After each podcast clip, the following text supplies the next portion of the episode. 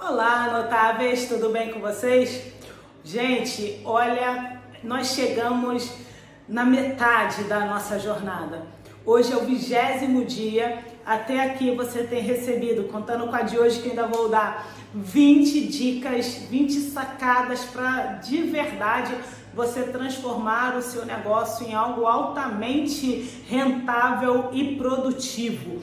Então, eu quero te fazer uma pergunta.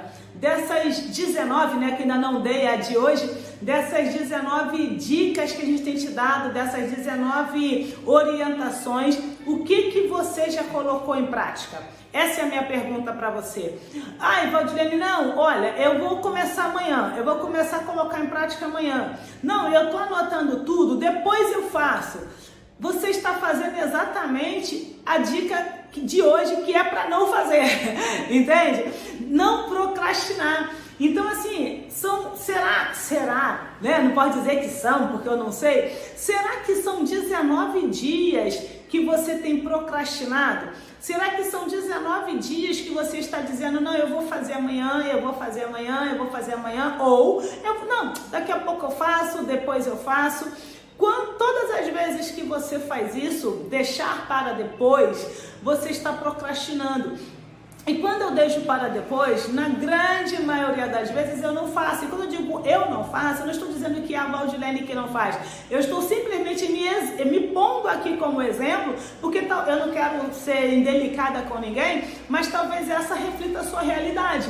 Então, assim, o que na sua vida você tem deixado para depois e que você não concluiu? Então, assim, a, a orientação de hoje, o insight de hoje é não procrastine. Não deixe para depois, não deixe para amanhã, não deixe para daqui a pouco, porque o que, que vai acontecer? Você não vai executar. Sabe por que, que você não vai executar? Eu longe de mim dizer que você é uma pessoa que não tem palavra, longe de mim tudo isso. Só que vai acontecer o que acontece sempre. Vai surgir uma outra demanda, vai surgir uma outra coisa, vai surgir uma outra oportunidade e você não vai colocar em prática aquilo que você de fato é, é, quer fazer, quer empreender, quer executar. No mundo dos negócios, procrastinar, esse verbo, né, nem deveria existir. Então, o que, que você quer? Nós faltam 20 dias para a gente findar o ano. Se você ainda não sabe onde você quer chegar, por favor, me procure porque eu vou te ajudar.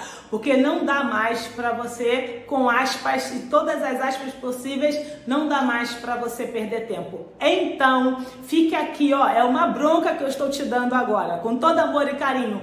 Pare de procrastinar.